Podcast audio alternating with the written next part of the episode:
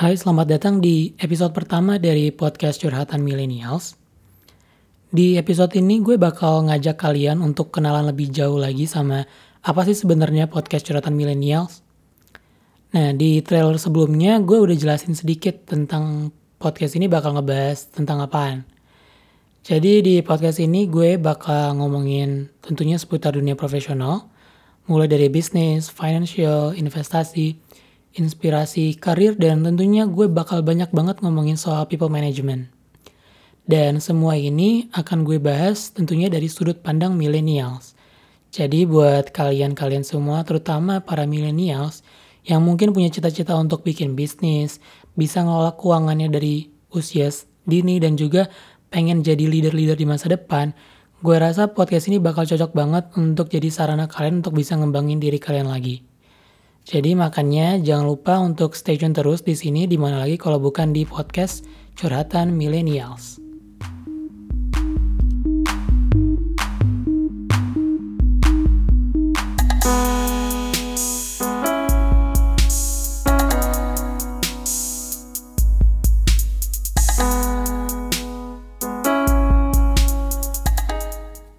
Kalau tadi gue udah jelasin tentang podcast curhatan milenials itu bakal ngomongin apa aja. Sekarang sebelum kita lanjut lebih jauh lagi, gue pengen kenalin diri gue dulu. Nama gue adalah Fadil Destira, biasa dipanggil Fadil. Dan saat ini profesi gue adalah sebagai seorang konsultan HR di salah satu perusahaan HR consultancy global di Indonesia. Dan gue udah bekerja di dunia HR kurang lebih 4 tahun kira-kira jadi sebelum gue bekerja di konsultan, gue emang bekerja di beberapa perusahaan sebagai HR di tempat-tempat tersebut. Dan mungkin kalau ngeliat dari tahun pengalamannya bisa dibilang 4 tahun tuh belum terlalu lama lah gitu. Tapi buat gue 4 tahun yang gue jalanin tuh gue rasa udah jauh lebih dari cukup untuk gue bisa mulai bawain podcast ini. Dan di 4 tahun ini gue udah ketemu sama banyak orang udah ngeliat berbagai macam bisnis yang mulai dari baru dibuat terus dia berjalan sampai berkembang jadi lebih besar. Dan tentunya sekarang semenjak jadi konsultan kesempatan gue untuk ketemu berbagai macam orang itu juga makin terbuka lebar. Dan tentunya dari orang-orang tersebut gue bisa belajar banyak banget hal-hal baru. Nah kalau misalkan ngelihat dari background profesional gue mungkin kalian berpikir bahwa gue itu datang dari background pendidikan ya bisa dibilang mungkin psikologi atau at least manajemen lah. Tapi sebenarnya gue itu datang dari background pendidikan yang jauh berbeda dari dunia HR. Karena background S1 gue itu adalah sarjana komputer, jurusan teknik informatika di salah satu universitas swasta di Indonesia. Dan sekarang memang gue lagi menempuh pendidikan S2 ambil program Master of Business Administration di salah satu universitas negeri di Indonesia. Nah mungkin sekarang nih biasanya kalau gue cerita ini tuh banyak orang yang nanya kenapa kok bisa uh, gitu gue dari jurusan teknik informatika sekarang berkarir di dunia HR. Jujur ceritanya panjang, tapi um, gue itu masuk ke dunia HR bukan kebetulan bisa dibilang, emang udah direncanain. Jadi buka itu bukan tipe yang baru lulus terus kayak bingung mau kerja apaan jadi kayak ya udah asal apply aja yang mana gue dapet. Um, itu yang gue jalanin. Gue kebetulan bukan tipe yang kayak gitu. Gue kebetulan tipe orang yang uh, memang harus punya perencanaan. Jadi masuk ke dunia HR ini emang udah gue rencanain sebelumnya. Karena tuh biasa gue waktu kuliah pun gak pernah benar-benar ngebayangin diri gue bakal jadi programmer gitu kerja di belakang layar creating a program atau apps uh, karena bisa dibilang gue tuh nggak jago-jago banget lah codingnya. Gue biasa aja kok. Um, uh, gue lulus dengan IP yang oke okay gitu di atas tiga tapi ya in terms of technical biasa aja sih. Nggak yang terlalu jago-jago banget gitu codingnya. Dan ketertarikan gue di dunia HR pun juga muncul aja pas gue masih kuliah. Cuma gue tuh nggak mau berhenti gitu di uh, dari kuliah gue yang waktu itu jurusan teknik informatika terus ngurang lagi karena menurut gue itu bakalan buang-buang waktu banget. Dan gue juga yakin gitu bahwa pilihan gue untuk ngedalamin dunia IT pun bukan suatu pilihan yang salah. Karena buat gue akan berguna regardless apa pun pilihan karir gue ke depannya nanti. Jadi akhirnya gue mutusin untuk ngejar keduanya di saat yang bersamaan. Gue tetap lanjutin kuliah gue sebagai uh, ya di jurusan teknik informatika, tapi gue juga tetap mau ngejar mimpi gue supaya nantinya gue bisa berkarir di dunia HR dengan cara gue perdalam ilmunya tapi dari tempat lain. Nah, pertama kali gue kenal dunia HR itu tuh waktu gue gabung di salah satu organisasi di kampus namanya adalah ISEC. Nah mungkin buat sebagian dari kalian yang dengar podcast ini uh, udah ada yang familiar sama nama ISEC karena ISEC sendiri merupakan bisa dibilang one of the biggest international youth organization lah yang ada di seluruh dunia dan memang fokusnya adalah pada pengembangan kepemimpinan atau leadership anak-anak muda. Dan di sinilah gue belajar banyak tentang manajemen, uh, terutama di dunia HR. Terakhir gue di ISEC itu menjabat sebagai Vice President of Talent Management atau ini tuh kayak istilah HR di ISEC pada saat itu.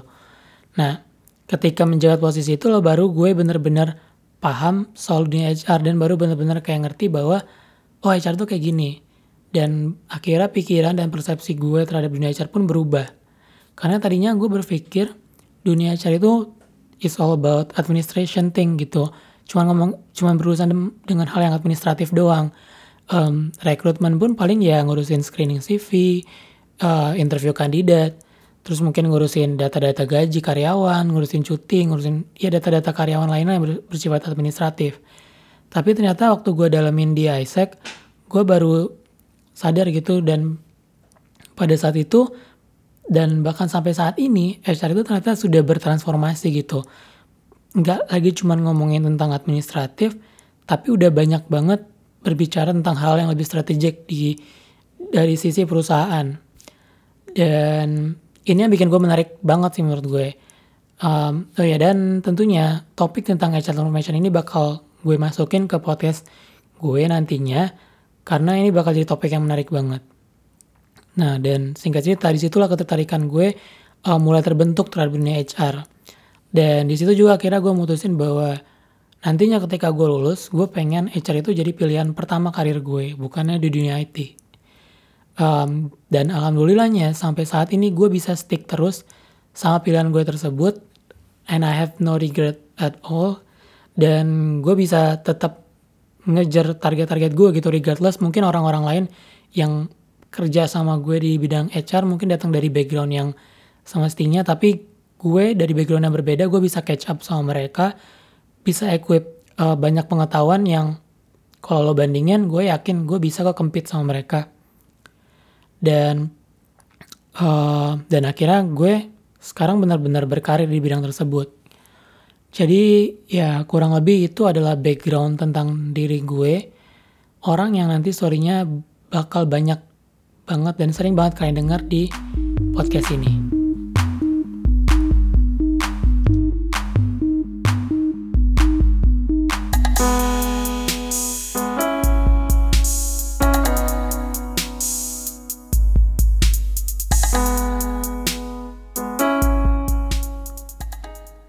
Kalau tadi gue udah cerita tentang background gue, sekarang gue bakal bahas soal kenapa alasan gue bikin podcast akhirnya. Sebenarnya alasannya simple. Um, karena gue tuh ngerasa ada banyak hal yang sekarang udah gue lewati dan alamin, terutama di dunia profesional. Dan hal-hal tersebut tuh bakal udah bikin gue lebih banyak berpikir dan pikiran gue juga udah jauh lebih terbuka dan juga ada banyak orang yang sebenarnya kayak datang ke gue untuk um, minta advice bisa dibilang soal ya tentang karir mereka atau pilihan-pilihan mereka yang nanti mungkin punya pengaruh di dunia profesional mereka ke depannya gitu.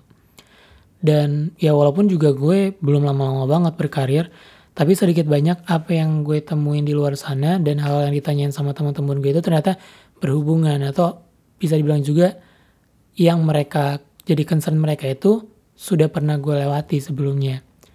Dan gue juga dapat respon lumayan positif gitu tentang pengalaman-pengalaman yang gue share ke mereka.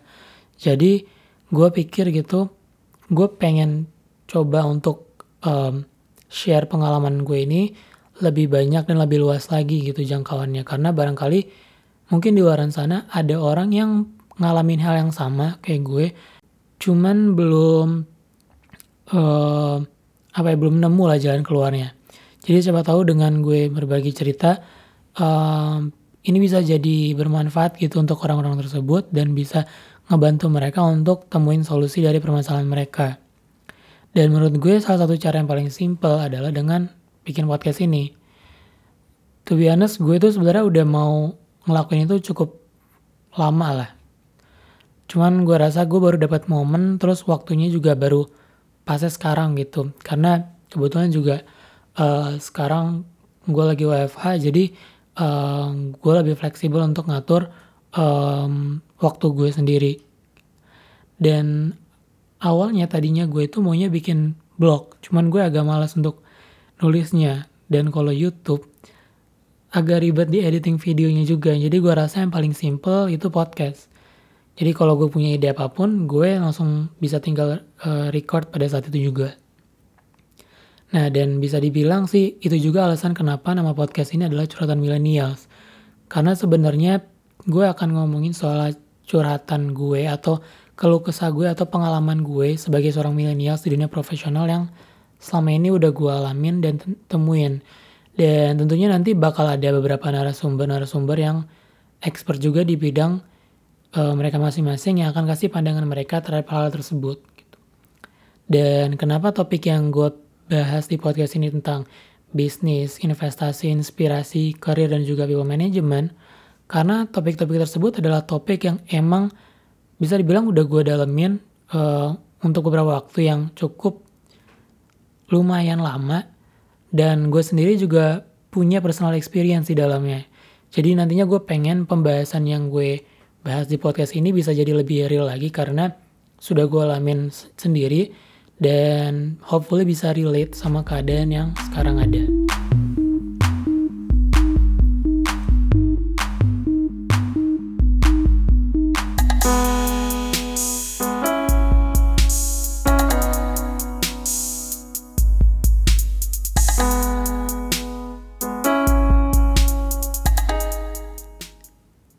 Itu tadi adalah penjelasan yang mungkin gak singkat-singkat banget soal podcast gue, terus background gue, dan juga alasan kenapa gue akhirnya bikin podcast dan ngebahas topik-topik itu. Jadi buat kalian yang penasaran sama perkembangan dunia profesional sekarang kayak gimana, jangan lupa untuk stay tune terus dan sampai jumpa lagi di episode podcast Curhatan Millennials yang berikutnya.